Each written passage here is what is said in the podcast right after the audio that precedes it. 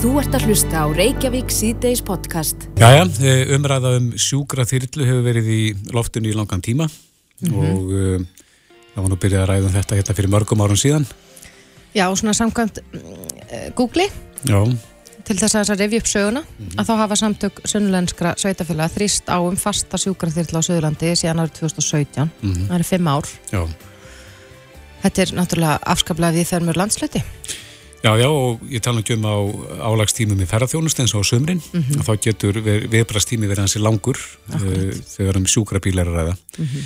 En þetta máli komið enn og aftur uh, á dagskrá og núna einn á þingi.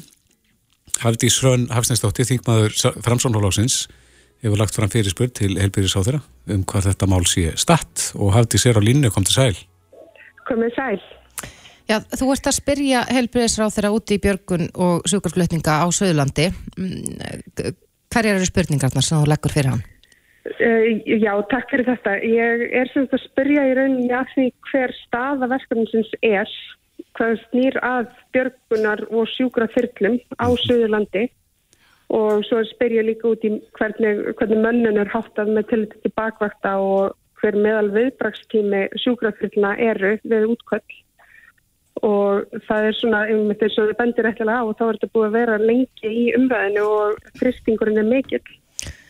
En að það átt að fara að stað ekki satt með, með sko tilrunaverkefni, hvernig miðar því? Hefur það farið af stað? Það fór af stað hálfpartin, má segja, segja það sem svo. En það er sagt, uh, komið aftur á stað núna inn í ráðanetinu veit ég og það er í rauninni staðin er svo að það er búið að vera funda með til dæmis bæjastjórn frá vestmanna í mömmita og þetta er komið eftir í gang og það er mikil, lög, mikil áhersla lögð að það koma þessu verkefni á stað samlega undirbúningi við útbóð að, að nýju útbóði í rauninni á sjúkraflögi Er þá ekki gert ráð fyrir því að landelgistjæslan verði með þyrluna undir sínum hatti? Þetta, þetta spilar vist mikið saman eins og til dæmis nývatsflög hefur mikið, sko, til dæmis ef það er verið að sækja, sækja slasaðan mann út á hafi, þá er það, það gæslan sem að sækjir viðkomandi og svo tekur sjúkarflögi við þegar það er komið í land. Já, Þannig að þetta er svona, ég held að þetta sé, sé lagt upp með samstarfi, sko.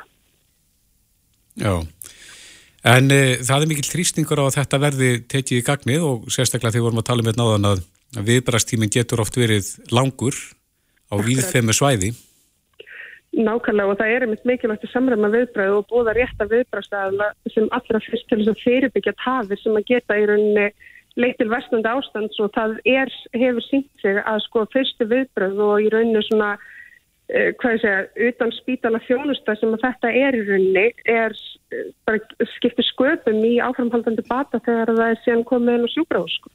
Mm -hmm. Þannig að það, það skiptir öllu máli að við, við, við leggjum líka mat á viðbrakstíma og flutningstíma í tengslu við það viðbrak sem við höfum í dag sko. Akkurat, og þú, þú ert akkurat að spyrja þarna líka um meðal viðbrakstíman. Býstu við svörum þá varðandi landið allt eða, eða einungis þennan landsluta? Uh, ég býst nú við að við fáum eitthvað skonar meðaltal sko en það er, það er upplýsingar sem ég hef undir höndum núna er að þetta eru að jafnaði hvað segja, 150 mínútur þángar til að beðnin kemur um sjúkarflög þángar til að sjúklingur eru komin í læknisendur. Þannig að þetta er svona, uh, hvað segja, aðjafnaði. Er það varandi sjúkraflugi þá? Já, sjúkraflugi. Og þá meða við mýflug í flugvil? Já, ég, ég gerir fastlega ráð fyrir því að sé, það, þetta sé mínutunar sem, sem að meðast við og það sé þá, jú, það, já, þetta er, er svona niðurstæða nýra rannsóknar sem var gerð grein mhm. fyrir sjúkraflögi með sjúkraflögunum frá Akureyri Já. árið 2012-2020 þannig að þetta er svona ég veit að þetta er í mikilvæg vinslu inn í ráðuniti og það er í rauninni mitt, hvað segja fyrirspurnin er til þess að setja líka enn en frekari þristing á þetta þetta mhm. skiptir máli eins og við bendið á áðan að það, það þrefaldast, jáfnveg fjórfaldast mannfjöldi á, á Suðurlandinu yfir, yfir sumatíman og skiptir máli að viðbræði sé snögt og rétt og þetta, þetta stiður, stiður við það. Er þetta er brínasta þörfin á, á þessu svæðu? Þetta er náttúrulega þitt kjördæmi? Já, þetta er náttúrulega mitt kjördæmi og ég, ég segja, ykkur eins og það er bara að þetta er rosalega viðstænt. Ég menna að þetta er alveg frá höll og að að ætlast til þess að við komum til að fara með sjúkra bíl frá höfn í Reykjavík er kannski finnst mörgum óraunhæft mm -hmm. Og við þurfum kannski aðeins að fara að horfa til þess að við erum líka með við erum líka með versmanægar þar sem að samgöngur eru erfiðar og, og við þurfum að geta tryggt rétt viðbröð á réttum tíma. Mm -hmm. Eigamenn hafa nú verið meðal þeirra sem hafa þrýst á sjúkarþyrl og vilja að aðsetur hennar sé í vestmanniðum. Hefur þú skoðun á því hvar? Já, það, það fyrir tvennum sögum um það. Það er líka búið að vera að tala um að Selfos geti verið ásættanlega staður uh, aðsetur flugvelinar geti verið það, þar sko. Þú segir flugvel, eru við að tala um þyrlu eða flugvel? Uh, ég, ég segi fyrir mér að þyrla væri mjög betri kostur. Mm heldur um flugvel við þær aðstæður sem að eigamenn bú aftur við. Er ekki verið að tala um, er, er gæslan ekki að ná að annað því sem að þarf að annað í að þessu eða þarf minni þyrlu? Sko það er náttúrulega ó, ógerlegt fyrir gæslun að sinna öllu sjúkraflugi eða sjúk, uh, björgunar, uh, hvað segja, björgun á lofti bara á öllu landinu þannig að við þurfum líka að geta verið með hvað segja, ég vil kalla þetta sjúkra bíl í, í lofti mm -hmm. þegar að, hérna, þegar anrikið er sem mest, sko. Mm -hmm. Það var talað um, hérna, hafði þessi í, í, sko, vegna sérstaklega aðstæðana í þjóðfélaginu undanfarið, sérstaklega út af COVID, að þá hafi ekki verið nægilega mikill þrýstingur. Finnst þér brinta að greiða úr þessu áður en að ferðamannaströymurum verður aftur vonandi, jafn mikill og, og var hérna fyrir COVID? Ég tel það mikilvægt og það, þetta stiður náttúrulega líka við bara sjúkraflutninga menn á á Suðurlandu og út á landi þar sem aðstæðir geta oft verið erfiðar og, og við veitum alveg að vegalengtunar eru langar. Þannig að já, ég tel það mikilvægt. Mm -hmm. Hvernig ráttu vona svari frá ráðeira? Vonandi sem allra fyrst. Ég, ég, mun, ég mun veita þessu gott aðhald hjá, hjá viljum. Akkurat. Haftísson Hafstinsdóttir, þingmaður framsaknarflokksins. Kæra þakki fyrir þetta. Takk hjá það fyrir. Þú ert að hlusta á Reykjavík C-Days podcast. Við höfum reynda að rætta í þessum þætti að þessi sangværi myndi nú fylla höllin á nokkur sinnum. Michael Bublé. Já, ég var að fara að spyrja, er þetta í örgla Michael Jó, Bublé? Hann er frábær, kanadíski sangværi. Já. En eh, enn einn, gula viðvöruninn er gefin út og það fyrir morgundaginn. Ég andvarpa bara, það er svona einu viðbröðum mín. Já, ég sko, sem selfisingur sem að þarf að fara til Reykjavíkur að ég er farin að upplifa svona pínu kvíða þegar maður eins og ég leit út um klukkan í morgun og sá það snjóaði. Mm -hmm þá fekk ég svona öran hérslátt kemst í bæin Akkurat Já og svo, og svo var líka bara merkilegt að þetta fylgjast með því gerða var mikil hálka mm -hmm. uh, en svo var ekki uh, árakstur á, á Reykjanesbröytinni það, það kólnaði svo hratt Já, snöggfristir Snöggfristir, ég rannast í á hausin ég annars skiptir hún að vetur, mm. var í mhm. gerðkvöldi en tókst að forða mér frá falli Já, en við veitum að uh, veðurfræðingur vegagerðarnar og hjá bliku.is Einar Sveinbjörnsson var á fundi með vegagerðinu, kom til sæl. Já, kom til sæl. Þið voru að ráða eitthvað ráðum. Hvað, er komin eitthvað lending með hvernig morgundagur er verður? Fara eins yfir þetta, já, svona hún er að vera til allavega hvað var það svona einhverja aðgerðir en, en viðspáin er nú þannig sko að þessu sko alltaf nú eitthvað seint að ljúka. Mm -hmm. Það er, í, það er svona köld læð, státt í kropp sem að kemur til með að skóta sérna fyrir vestanlandi fyrir partin á morgun og, og það eru sem sagt, það eru tvít, það er svona tvítætt skíja, skíja og skila kerfi sem það eru er með inn og það er það er svo svona geti alveg auðvitað tímasetti þetta en það skiptir samt máli. Og það er gert ráð fyrir því að svona millir fjögur og sex í virramáli þá verði austanáttun og undan þessu hún verði nokkuð kvass og með skafbil og -hmm. ofankomu. Og það hefur áhrif hér um söðu vestan og eftirlandi Þannig að þá eru nú fæstir á ferðinni held ég nema kannski svo á keflauguflug mm -hmm. en, en hérna en þá er sem sagt hérna þá er e, fyrst og fremst er að þá bara blinda á þessu snjór sem þeir eru hans gefur og það setur í sérstaklega inn í, byggð, inn í byggðunum þá setur inn í húsagutur og milli húsa og getur myndaskabla en, en, en við ekki er einnig svo sem að allan sólarhingin á þessum helstu gutum og síðan þegar að síðan gengur þessi bakki yfir og það verður búið bara um sexleitið og þá lagast öðrið í svona 2-3 tíma. Að hlínar líka aðeins að hittni fyrir upp fyrir frósmark mm -hmm. og uh, á meðan er læðin að, að sækja síðan hérna fyrir Vestalandi og svo dempir hún á okkur bara um áttaleiti þá dempir hún á okkur uh, vestan streng þá vestnar veðrið aftur en úr hinni áttinni. Og við fáum aftur hríðarbil sem stendur endar skemur yfir. Fjarar út og verður svona vennilegum jæljagangi eins og við höfum séð í gæru og í dag. Þetta gerist klokkan átta og hvað stendur setni kvellurinn lengi yfir? Hann, hann stendur sko meðan að svona þessi megin bakkjar að fara yfir. Það er stildulega stutt, það er kannski klukktími tveir. Mm -hmm. og svo, svo, klá, svo, svo klárast það. Hérna, Myndur þú ráleika þeim sem eru til dæmis að fara í fluga því þú nefndi flugið á þann og þurfa að fara annarkvort koma vestan eða, eða austan að það fólk ætti bara að koma sér áður en uh, þetta stjælur á? Eh, það er, ein, það er auðvitað einn leiðin sko, er, við veitum ekki hvernig verðum með Reykjanesbröðuna í, í, í nótt, hún er, það er auðvitað talsverðu lausamjöftir staðar sem getur skafið og, og, og fókið að mynda þetta til kóf sko, mm -hmm. en, en auðvitað er það þannig að í, í millinandafluginu ef það kom ekki fartíðar þá er þetta ekki tvarið. En mun þetta hafa áhrif á flugið?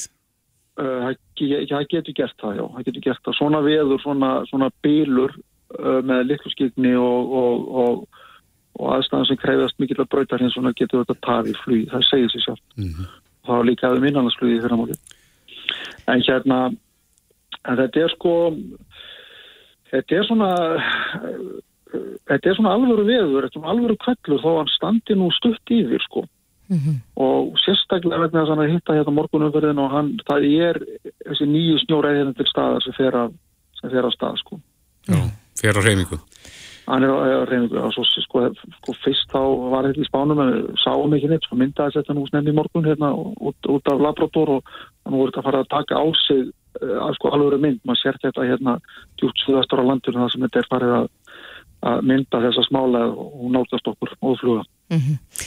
En, en að, að, að mill eru ég það að vera áfram ég líkvöld Já, en einar nú, nú er eh, okkur títt rætt um uh, um vorið. Það er kannski fullt snemt að vera ræða vorið, ég, ég átta mig alveg á því. En, en er eitthvað í kortunum aðeins hlýrið tölur og, og, og færri kvellir? Sko það sem við sjáum breytingu núna strax eftir helgi er að, að það er sko, það er þegar farið sko, þannig að þegar farin að gefa eftir þessi hálóftavindur hérna hátt uppi sem að við heldur að sem snýrfæðsvöld í kringum sig og, og skapar hérna daraðans hann er farin að gefa eftir og það tekur oft svona 10-15 daga uh, fyrir þau áhrif þátt upp að varpast hinga niður til yfirbors. Mm -hmm. Þannig að, að eftir helgi á að hlýna samkvæmt spánum á mánudag og þriðudag það er áfram einhverja læði og einhverja siftingar en það er, það er allt öðrum skala getur við sagt heldur við að vera að sjá núna síðustu vikunar. Já. Þannig að það gefur, gefur vonur og vísmyndingar um það að það sé nú þetta sé nú að fara, fara að klárast. Sko fólk var orðið hérna þreytt á þessu í lok februar og maður hefði ekki hérna spurninguna að það er nú ekki að vora mm -hmm. og þá að viðkvæði hjá mér alltaf sko það er nú allur mars eftir en hann er nú sjálfnast allur leðilegur en allur fyrirparturinn er búin að vera hundleðilegur og við erum auðvitað að vonast þessi því að það fari nú að slaka á klóni. Já, við vælum nú mikið yfir svo hérna á söðvestur hodninu en hvernig hefur þetta verið annars þar á landinu? Sko málega það til dæmis er norðan og austan hefur bara lítið snjóað núna síðustu vikunar. Það er bara yfir gamalt hjart eldgamalt frá því einhver tíman, uh, einhver tíman um áramóti eða snemmi í januar mm -hmm. og, og það hefur ekki, ekki snjóa þar enda hefur það verið þannig síðustu vikurnar að það hefur verið uh, söð vestanátt og vestanátt sem hafi verið ríkjandi þannig að það sem kemur að hafi það skellur á okkur hér á höfðborgarsvæðinu og, og, og íbúum á söðvesturlandi og meðan að norður og austurlandi svona meira í vari en það hefur reyndar oft kvestar og verið, verið hundleðilegu vindur og blástur Er þetta snjóþingsti veturinn lengi hér á söðusturhóttnunu? Uh, við þurfum allavega veturinn er þetta ekki búin en menn er að horfa gerðna til ársins 2000 aldamót ársins sem er eitthvað, eitthvað, sambarilegt en, en, en ég man nú eftir snjóþingri vetri sko, það er orðið alltaf síðan mm -hmm. Sem var, þá var, var all, allavega veturinn undir. Við losnum þó við snjóin hér í leysingu fyrir eitthvað morgundum síðan. Svo, það var mjög góð tilfinning í smá stund og er, og er, er miklu minni núna en það var sko. mm -hmm. Já, Já uh, stutt á morgun í tveimur bylgjum og, og tekur, tekur snögt af. Tekur, tekur snögt af og þetta rennur svona nokkur veginn saman en það er hægt að, að skipulegja bæði ferðir sínar og aðgerðir með tilliti til þess að því að, að rétt á með að læðin er að fara hjá mm -hmm. þá skánar veðrið í stuttastundu Einar Sveinbjörnsson, viðurfrængur hjá veðurvaktinni og vegagerðinni. Kæra þakki fyrir þetta. Besta. Þetta er Reykjavík C-Days podcast. Það voru fjölmarkið sem að fögnuði því hérna fyrir tæpum tveimur árum síðar, síðan mm -hmm. að uh, samþitt var frumvarp á alþingi um, um niðugrisla sálfræði þjónustu. Það, við erum ekki ennþá farin að sjá, sjá það raungirast en geðheilbreyðismálin eru alltaf einhvern veginn eh, ja, viðlóðandi umræðin og þá mikið talaðum hérna þegar að eh, heimsfaraldur hófst og uh, við fórum að sko, herða tökin og samkomi takmarkana talaðum einmannleika og, og hvaða áhrif þetta allt saman gæti haft á geðheilbreyði þjóðarinnar og í raun heimsins. Mm -hmm. að það hefur ekki góð áhrif að vera að, að einangrast, það geta ekki verið í samskiptum og fleiri þeimdur og pluss bara allir heilsu kviðin sem að jógst gríðarlega á þessum tímum Já, ræðslan við sjúkdóminn. Já, mm -hmm. en eh, við rákumst á grein í morgumblæðinu þar sem að Helga Vala Helgadóttir, þingflóksformaður samfélkingar, já, spyr hvað veldur þögninni? Hún er hinga komin, kom til sæl. Komið sæl. Hvar er þögn í, um þessi mál? Já, ég veldi fyrir mér bara, mér finnast stjórnvöld uh, slá um sig með einhverjum frösum, talandu um einhver átök og, og, og, og stór átök í geðheilbyrðismálum ég bara sé ekki neyn merki þess að það sé eitthvað slíkt í gangi. Það var auðvitað uh, í rauninni uh, mjög gott hvernig tekið var á málum varðandi COVID. Við fengum uh, upplýsingafundi það var þrýeikið sem að stóð í farabrotti og, og, og sagði okkur hvað var að gerast frá degi til dags. Við vorum með bladamannafundi ríkistjórnarinnar í hörpu þar sem að kind, kindar voru helstu aðgerðir uh, endalösir fundir á tröppum ráðhærabústaðsins uh, alls konar aðgerðir uh, vegna heimsfaraldurs og afleiðinga heimsfaraldurs. Og ég spyr bara hvar, hvar er þrýeiki þegar kemur að viðbröðum við, við þessu áfalli sem að þessi heimsfaraldu var á geðhelbrið þjóðarnar af því það var alveg fyrir sig, að heilbreyðismálastofnunin hún varaði við því.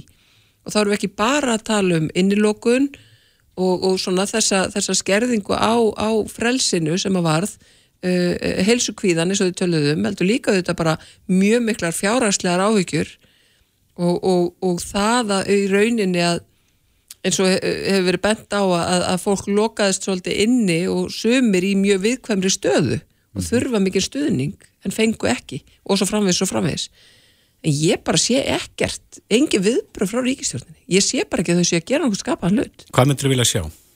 Ég, sko, ég vil bara að við förum í alvöru vitundavakningu í þessum málum. Mm -hmm. við erum að tala um að, að við erum að missa 50 manns á ári. Hvað varum við að gera ef við varum að missa 50 manns á ári í bílslisum eða, eða einhverju öðru sjóslisum ef við varum að missa 50 manns á ári út af einhverju öðru en þessu.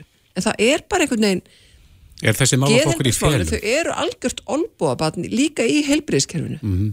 En þegar það kemur að sjálfsvíðum, er, er þetta, reynum að fela þetta? Er, þetta, er sko, lítið á það að sé eitthvað skömm í kringum þennan eh, málaflokk? Já, ég, sko, þetta, sjálfsvíðin eru auðvitað hérna, ein, ein byrtingar mynd í þessu. Uh, við erum líka með Uh, bara fólk sem að þarf geð heilbriðis þjónustu mm -hmm. bæði börn, ungmenni og fullorðin, fullorðin og, og við tölum ekki um eldra fólk og uh, það þykir bara virðist vera ekkert tiltöku mál þó að, að já, börn þurfa að býða í 12-24 mánuði eftir að komast í einhvers konar viðtals meðferð vegna uh, mikillega erfileika, mm -hmm. geðrætna áskorana og fullur er fólk á oft og tíðum bara ekki, ekki möguleik á því. Það er búið að fjölga sálfræðingum inn í helsugesslunni uh, en, en sko aðgengi að því er bara mjög takmarkað. Akkurat. en svo er maður horfir á líka bara uh, uh, sko þau sjúkurahús sem er að veita geðþjónustu sem er landsbítalan annarsverð og sjúkurahús og akurir hinsverð þá er byrtingamyndin líka þar einhvern veginn svo átakanleg. Eh, húsnæðið að báðum þessum stöðum er algjörlega óbóðlegt og umbóðsmar alþingis hefur bent á það í skýslum sínum að húsakosturinn, þar sem að þú ert með fólkin á lokuðum deildum sem á ekki möguleika á að fá að fara út fyrir húsins styr, að fá, ná sér í súrefni eða reyfingu og fólk er lokað þarna inni oft uh, löngum stundum.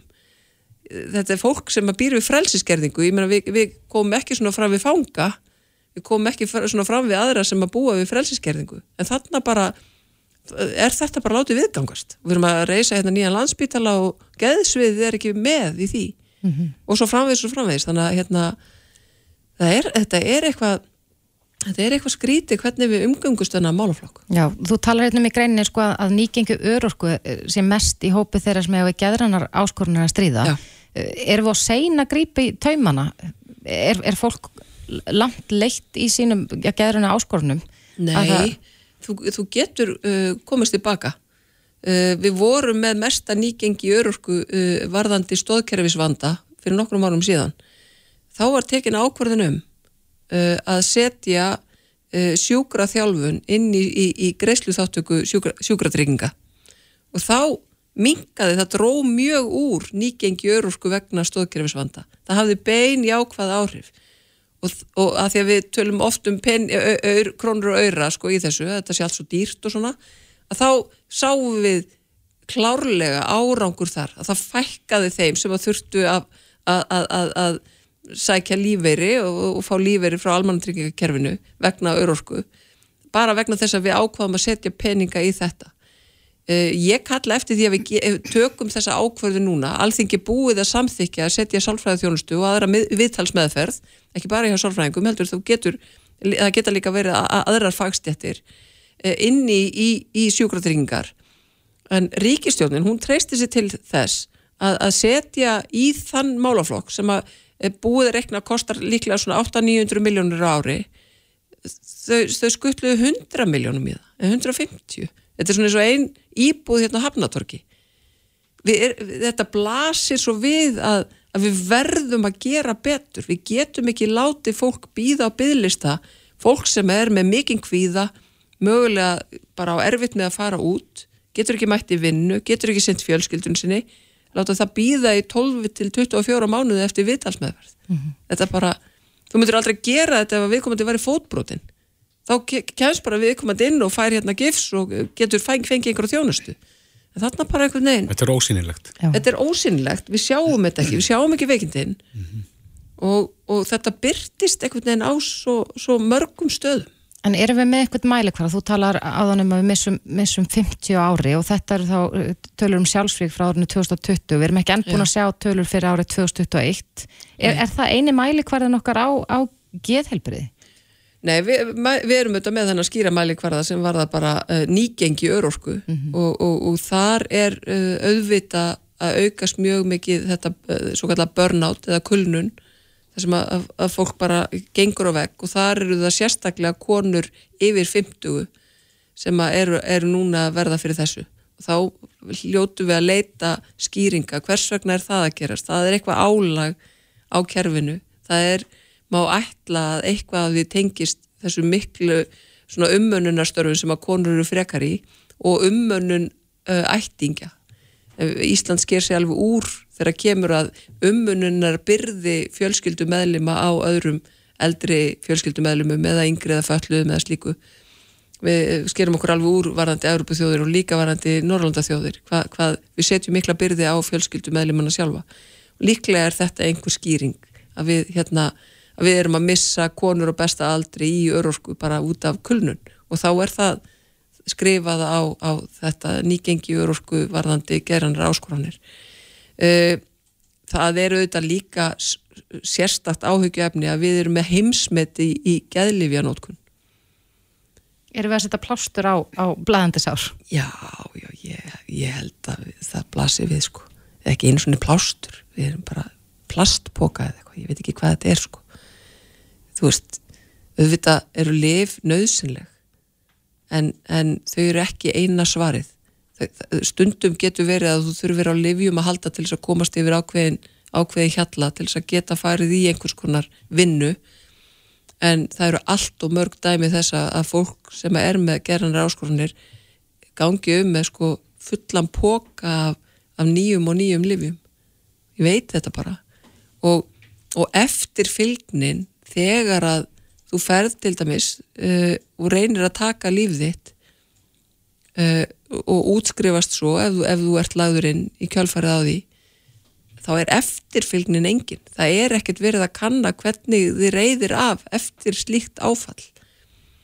Uh, ef að fjölskylda verður fyrir því að, að fjölskyldu meðlimur tekur lífsitt þá kemur engin það er engin sem grýpur utanum viðkomandi, það er engin sem grýpur utanum fjölskylduna þegar einhver veikist illa vegna einhvers, einhvers konar geðrætna áskoruna ef, ef, ef að fjölskyldu meðlimur fær krabbamein þá er komið áfalla teimi í kringum fjölskylduna.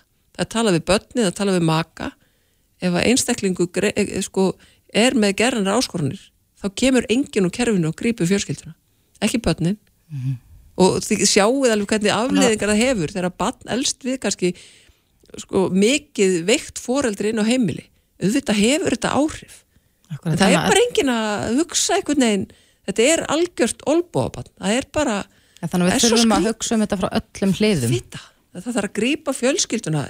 Ef að foreldri missi batni sitt í sjálfsvík þá þurfa bara foreldri að fara og að reyna að finna út við hvert get ég tala til þess að hérna, lina þjáningarna mínar. Mm -hmm. Hva, hvar, er, hvar er teimið sko? Hvar, hvar er þrýeikið okkar sem að teiknar upp bara hérna kröftuga aðgerðar áallun mm -hmm. Ég verði fengið viðbröðið greinni Já, já ég, við vorum auðvitað, ég átti orðastað við helbriðisráð þeirra í vikunni, ég var með sérstakka umræðu á mándaginn, umgeð helbriðismál, þess að spurja ég mitt þessara spurninga líka. Og hverja voru undirtektinnar?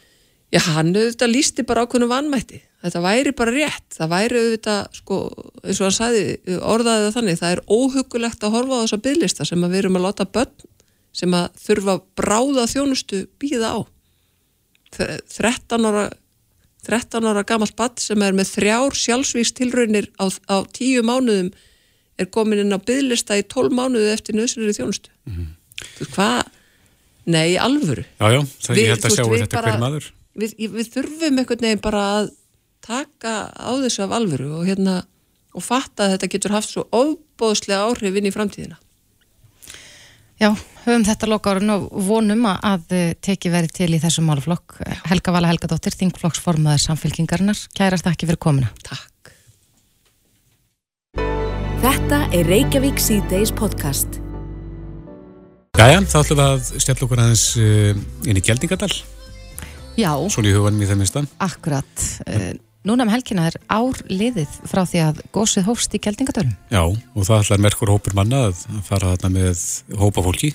Já. Svona útsýnisferð. Og fræðsluferð. Já, þarna getur þá konan úr áramótasköpunu sem var svo eina sem hafði ekki ferðið þarna. Hún getur þá farið með þeim félögum og, og hérna skemmt sér. Já, en uh, Tómas Guðbjartsson, læknir, uh, hann er farastjóri í þessari ferð og hann er á línunni. Kom til sæl. Já, takk fyrir. Ég er hérna síðan farastjórn ásand Salami Hallfræstóttur og hérna við erum með gott fólk með okkur sem að mun sjá um fræsluna. Við erum svona í því að að kannski hérna koma spurningum að staðu umræðum en við verðum hérna með svona gjallarhorn mm -hmm. og svo eru eru tveir jarfræðingar um, sem að koma til okkar og, og hérna og munu sjá um fræðsluna. Þetta eru, þetta eru svona gjörþekja, gjörþekja svæðið. Er svæðið orðið kallt? Nei, ekki alveg. Ég var hann um daginn á, á ferðarskýðum og hérna þá hafði snjóðum mjög mikið og það var rosalega gaman að, að koma hann og, og sjá þetta.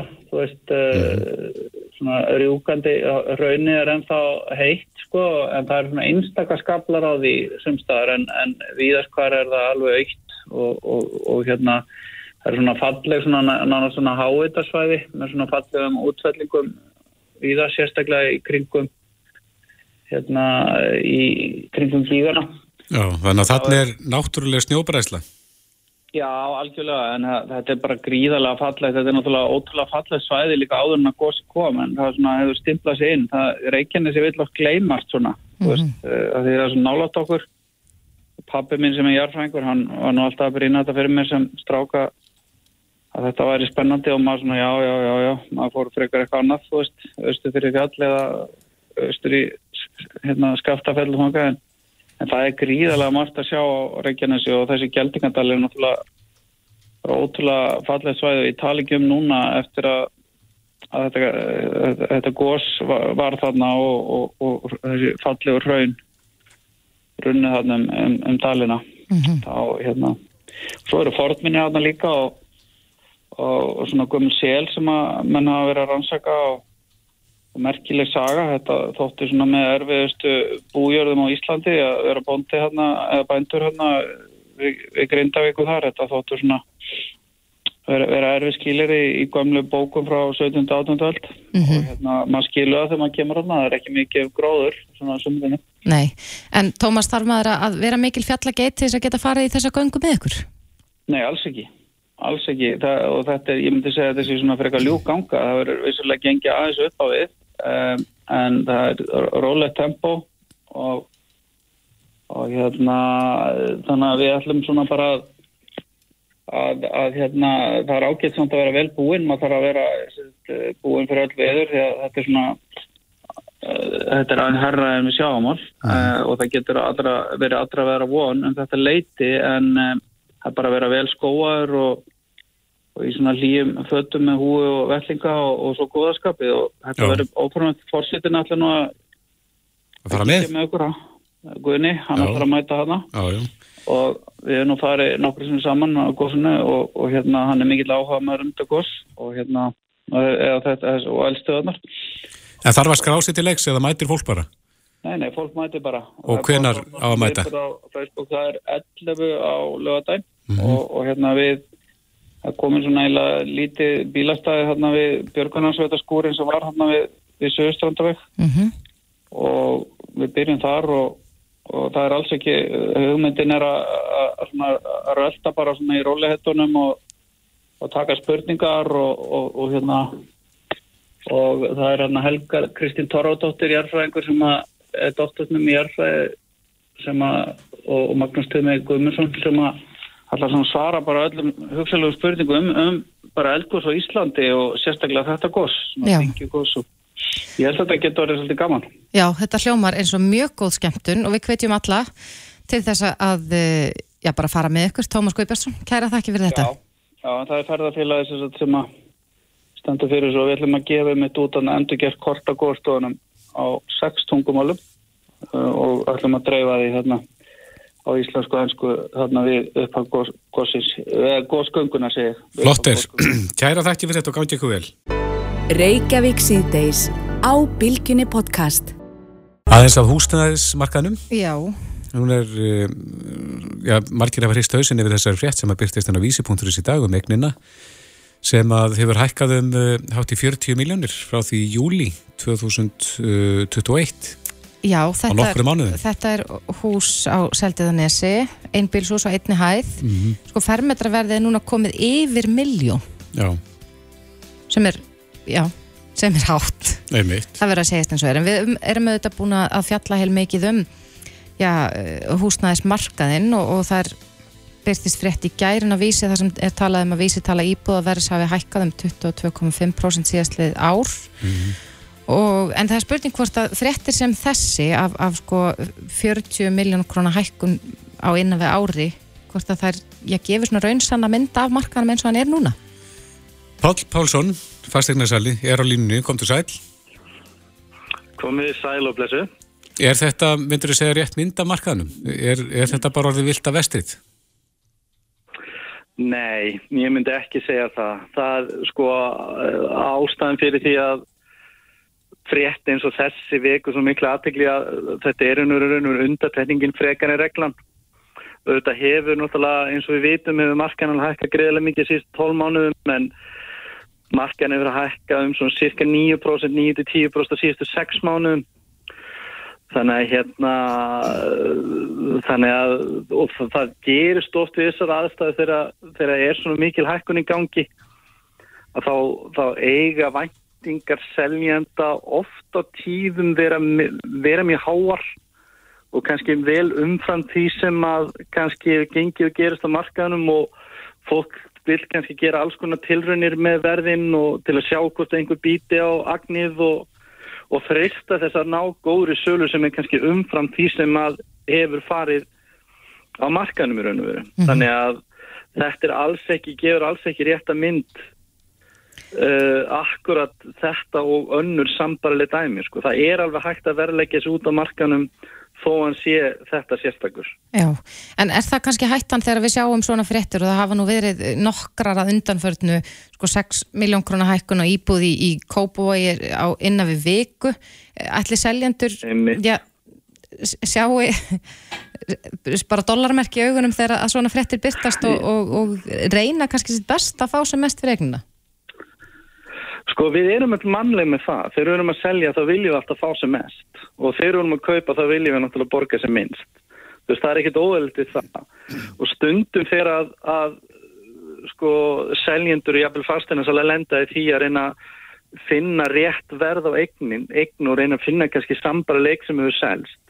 En samanbörðu eignin sem hefur kannski selst í svipuðu hverfið og svipuðu starð og svo framvegis er kannski, gerðist kannski fyrir kannski fjórum til sex mannu síðan og á þeim tíma hefur markaðin breyst gríðilega mikið. Þannig að menn eru oft svona að renna blind í sjóun með nákvæmlega hvar markaðurinn er er varðar verð á eignum. Eins og ég vissi með þessa eignarna sem að fór komið fréttanum fyrir nokkuð viku síðan það sem var 5 miljonar hækkun að það kannski áttuðu sér ekki að því að e, svo eign var komið kannski upp í annað verð bil hún var kannski ekki að byrja 50 til 55, hún var alltaf komin 50 og 50 60 en menn áttuðu sig ekki á því að því að fordami var ekki til staðar á sambarilegri sölu nema fyrir svo lungu síðan mm -hmm. þannig að hérna en þegar verða svona óbúslega yktar breytingar eins og við erum að vísa kannski núna að það er, það heyri til algjör undatekningar það síðan gangir hinnlega upp bara til þess að ég var alveg hinskilin við ykkur Já, en þetta ber þess merki að þarna sé bara um fjárfestaræða sem að kaupa eign býða og setja hann aftur á sölu. Þetta er ekki fólk sem hefur keft búið í fastegninni í nokkra mánuð og ákveða að selja sig hann aftur. Nei, í þessu tilvilli það, þetta, þá, þá er hann verið viðkomandi eins og ég, ég uh, svona lesi í aðstæðan og þá er náttúrulega viðkomandi fyrst og finnast hugsa til þess að kaupa eignina til að selja hann aftur og þá með hagnaði. Og hann er kannski að horfa það að geta kannski skipt eða, eða, eða braska með einhverjum hætti með þetta. En svo endanum þá er náttúrulega bara markaðan sem ræði því hvort að hann vilji greiða þetta verð sem seljandi vil fá fyrir eignin eða ekki. Mm -hmm. Og þeir sjáu þá við erum, við erum fann að sjá sko minni eignin kannski 30, 40, 50 fermetra íbúðir. Maður er kannski fann að sjá sko þær íbúðu fara svona detta yfir miljón krónar fermetrinn. Þó að meðal fermetrið á höfuborgarsvæðin meðal fermetrið er cirka 620 skall á höfuborgarsvæðinu í dag. Og hérna en þó maður sér með þess að allra minnstu eigninu og allra vinsælstu stöðum sérstaklega nýjum, nýjum íbúinu eða slíkt og þá er það frá detti við miljón kannski á fermetrinn en eftir því sem fermetrinu er fleiri því náttúrulega lakka fermetraverðið. Og sem dæmi þá er meðalfermetraverði til dæmis á sérbíl og seltindinins í dag eða síðustu kannski fjóra-fimm mánuði er í kringum 620.000 Já þannig að yfir miljón er, er kannski ekki raunhæft.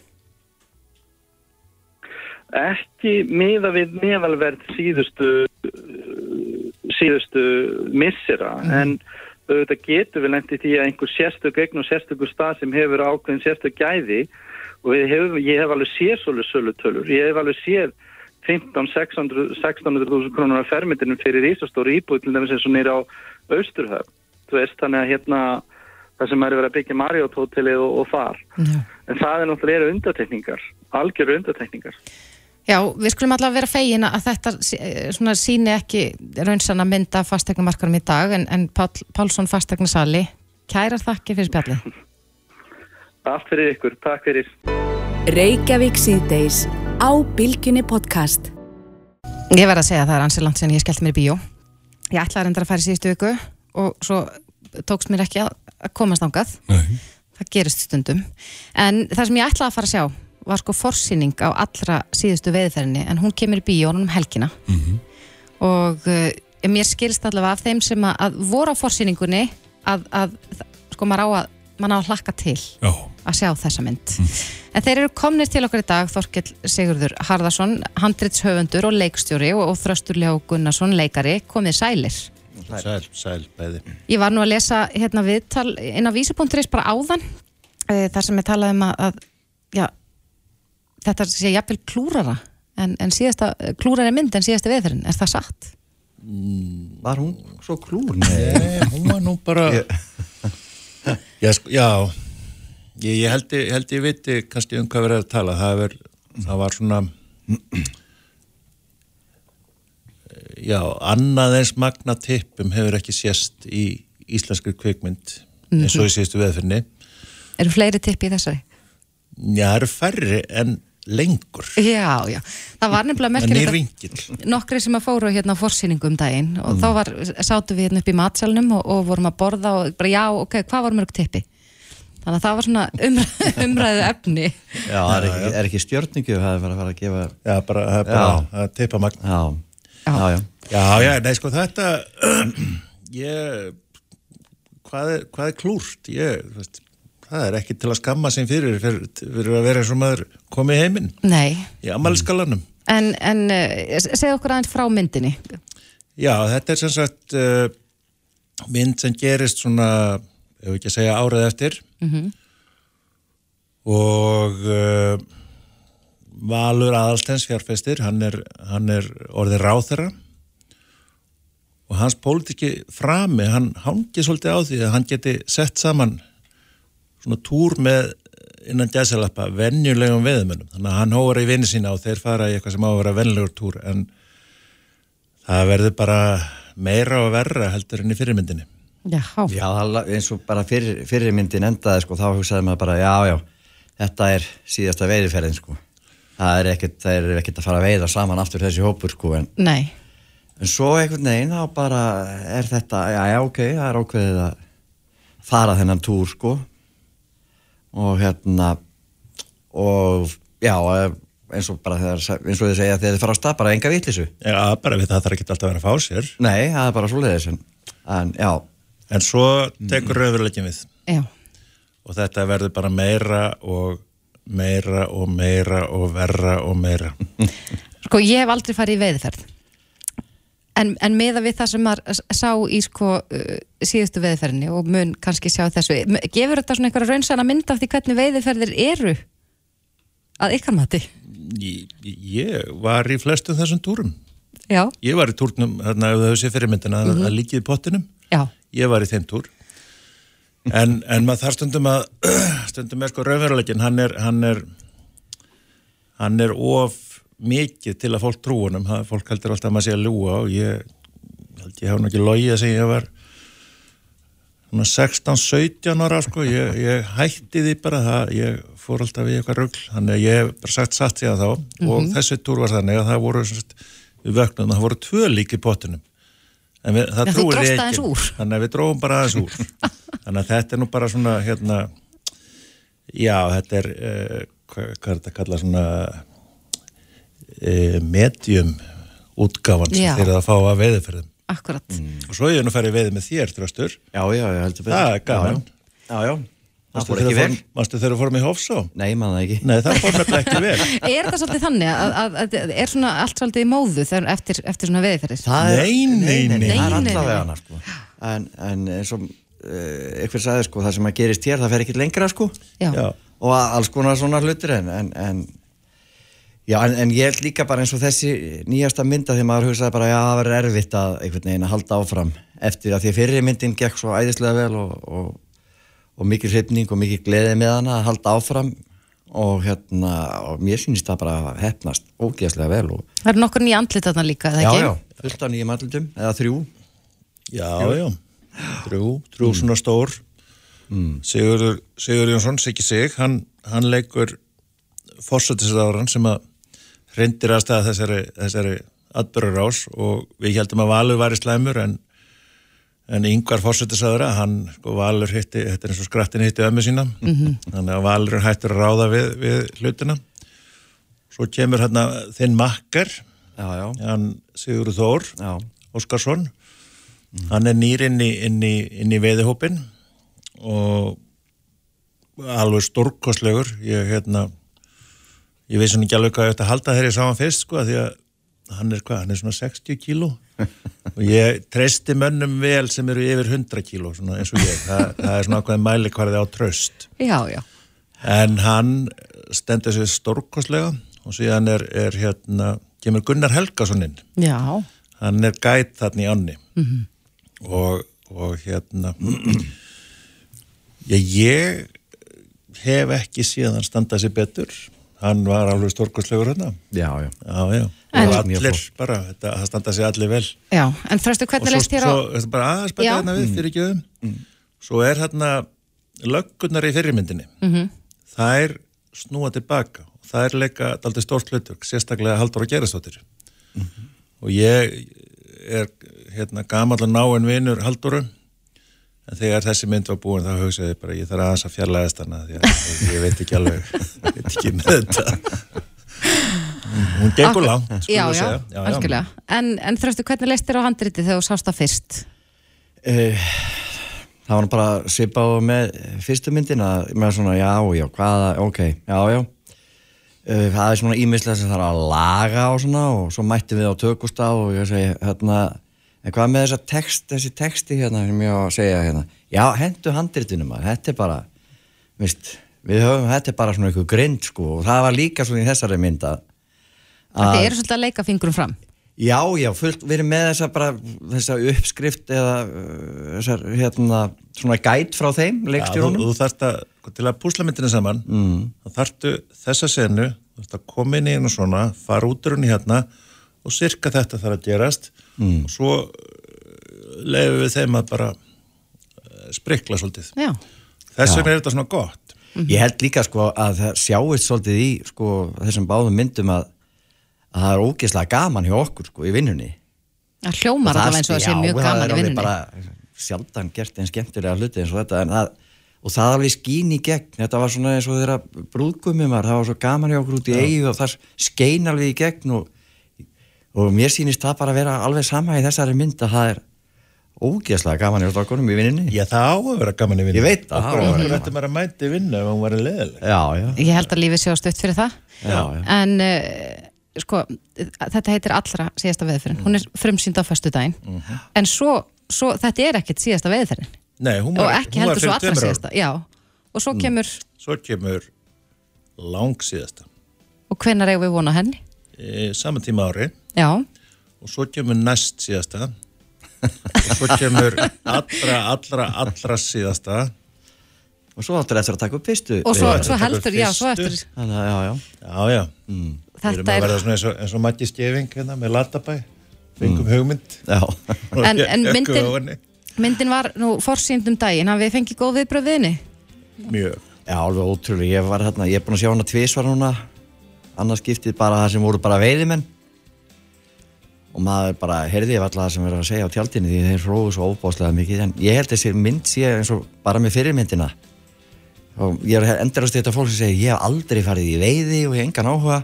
En mér varst það geðveikt. En myndin er ekkert um veiði. Nei. Þó hún gerist í veiði, hún Já, gerist er í bara- veiði, þetta eru veiðmenn. Mhm. En þetta er mynd bara um, um hérna vináttu og mannlega samskipti og, Mhm. og öll, öll eru við nú hérna manneski sem að flesta langar nú til að vera í sambandi við annað fólk. Akkurat. Við verðum því meira þetta punktin hér, Þorkell Sigurður Harðarsson, það er svo margt sem ég eftir að handritshöfundur og- segja. Já, við þurfum að skipta úr og á kemur eftir að aftur á um- morgun. Og Þröstur Ljó Gunnarsson, takk, Ekki- fyrir komuna. Takk, takk. Hlustaðu hvena sem er á Reykjavík C-Days podcast. Eins og við höfum sagt hérna oft undanfarnar vikur að þá eru augu allra á ástandinu í Úkrænu og innrás rússa inn í Úkrænu og sá maður sem að, að já, ber ábyrð er Putin. Já, og svo spyr maður, er eitthvað vitað um Putin?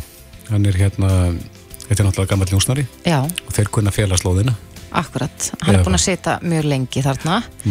En í dag byrtist grein á eða frétt á vísi.is ansi ítarleg já, skýring eða sveipmynd af manninum, Vladimir Putin. Já, hver er maður? Hún er komin til okkar Hallgerður Kolbrún E. Jónsdóttir fréttamaður á vísi sem að skrifaði þetta, kom til sæl. Komið sálblössu. Ertu einhver nær um það hver Putin er eftir að hafa já, verið að kafa svona ofan í sögu hans? Já, svona já og nei. Uh, maður hefur kannski betri tilfinningu fyrir hvað er að baki en það er samt margt sem maður veit ekki. Maður náttúrulega sér það sem hann gerir og, og það sem er ofinbert en svo veit maður í rauninni ekkert hva- hvað maðurinn er að hugsa veist, hann er hérna hefur alltaf verið aldrei lokuð bók og, og einmitt eins og kemur kannski fram í þessar grein að þetta er að mestu eitthvað sem að liggur bara fyrir þú veist, auðaríkistefna og svona mál sem að ákvarðanir og mál sem að hafa hérna bara verið ofinbeir en svo veit maður ekkit í rauninni hvað hvað meira er að baki sko Hvað ferður langt aftur? Herru, ég hérna Er, er það litli Putin sem þú byrjar á? Já, litli Putin uh, byrjar bara hann þegar hann fæðist fjalla svona aðeins um hans uppvöxt stuttlega bara, Mhm. hann fæðist í Leningrad 1952 eh, Sem er nú, nú Santi Petersborg? Já, Santi Mhm. Petersborg um, og fæðist náttúrulega inn í bara Sovjetríkin uh, stríðið setni heimstyröld svona frekar nýbúinn og Leningrad ennþá að jafna sig á, á hérna því. Þá var náttúrulega umsátur sem að leik borgar búa grátt og, og fóreldra hans voru mjög hérna illa leiknir eftir stríðið. Þau mistu uh, són sinn í, í hérna umsátrinu sem að var þá bara lítill um, og voru frekar fullarðin þegar Putin fættist þannig einhver sögur um að uh, mjög rættnar hérna sögur um að, að þau séu ekki raunverulegir fóreldrar hans heldur hafa ættleitt hann því að það er engin gögn í rauninni til um hann og manningin eftir honum fyrir hann uh, byrjar í barnaskóla. Þannig að það er einlega svona rættnum sögursögnum um, um hann en hérna hann einmitt var hann uh, ég byrjaði barnaskóla í kringum 8-9 ára aldur og, og hérna var ekki rosalega duglegur námsmaður var meira svona einbæta sér í íþróttunum læðist enda á júdó og, og hérna í, í rúsnesku barða íþróttur var sambo og var svona daldill einhelti seggur þannig er hún líst allavega sem staðar. Uh, heldur svo áfram í, í háskóla lærir lögfræði í Leningrad háskóla um, og hérna það er einmitt, e, það reyndar kemur ekki fram í þessari grein en, en einn saga sem er oft reyn upp af honum á háskóla árunum er sko að, að hérna fórður hans hafði, hafði hérna e, unnið bíl í lottói og þau byggu mjög illa, þau byggu með þremur öðrum fjölskyldum eða eitthvað svo lesi í, í lítilli íbúð hann í Leningrad og í stað þess að selja bílun og fá fyrir hann peningana þá hérna fekk Putin að aga um á bílnum sem að var mjög sjálfgæft meðal háskólanum á þessum tíma sem kannski svona sýnir aðeins hvernig típan var. Akkurat. En, en hvenar er það svo sem hann gengur til liðs við, við leinithjónustuna? Uh, það er 85 nei, 75 fyrir nei 85, 75 75 held ég uh, sem hann gengur til þess við leginni þjónustuna. Já, 75, það er strax eftir hann útskæðast úr háskólanum. Það er KGB. KGB uh, og hann er hérna í tíu ár uh, í KGB í Leningrad og, og svo 1985 eða 6, ég man ekki nákvæmlega, annarkvort árið þá flytur hann með fjölskylduna sína til Þýskalands, austur Þýskalands, þar sem að hérna hann var fyrir leginni þjónustuna í 15 ár. Njósnari þar? Njósnari þar, já. Og er, einhver, er einhverjar sko, heimildur um veru hans þar sem njósnari? Er þetta að grafa það upp eða er þetta allt lindamál? Já, sko það sem að er nefnilega alltaf öðruvísi við hann hérna, svona með að við marga aðra njósnara var að hann var alltaf mikið hérna ábyrrandi í sínum störfum hann úti í Þýsklandi þú veist það er til margar ljósmyndir af honum af viðburðum þegar hann var aðna í raunni sem tólkur innan gæsalappa mm. þú veist þeir voru margir með svona hérna official starfstilla sem að hérna sem voru svo auðvitað ekkert réttir þeir voru náttúrulega bara njóstrar en hann á að vera hann sem tólkur hann kunni þýsku vel mm. um, og þannig að það er til margar ljósmyndir af honum af svona einhverjum úr einhverjum koktelbóðum og uh, slíku sko frá hérna austur Þýskalandi mm -hmm. uh, en svo fer hann aftur heim til Úslands eftir fall Berlínumúrsins árið 90 um, og, og hérna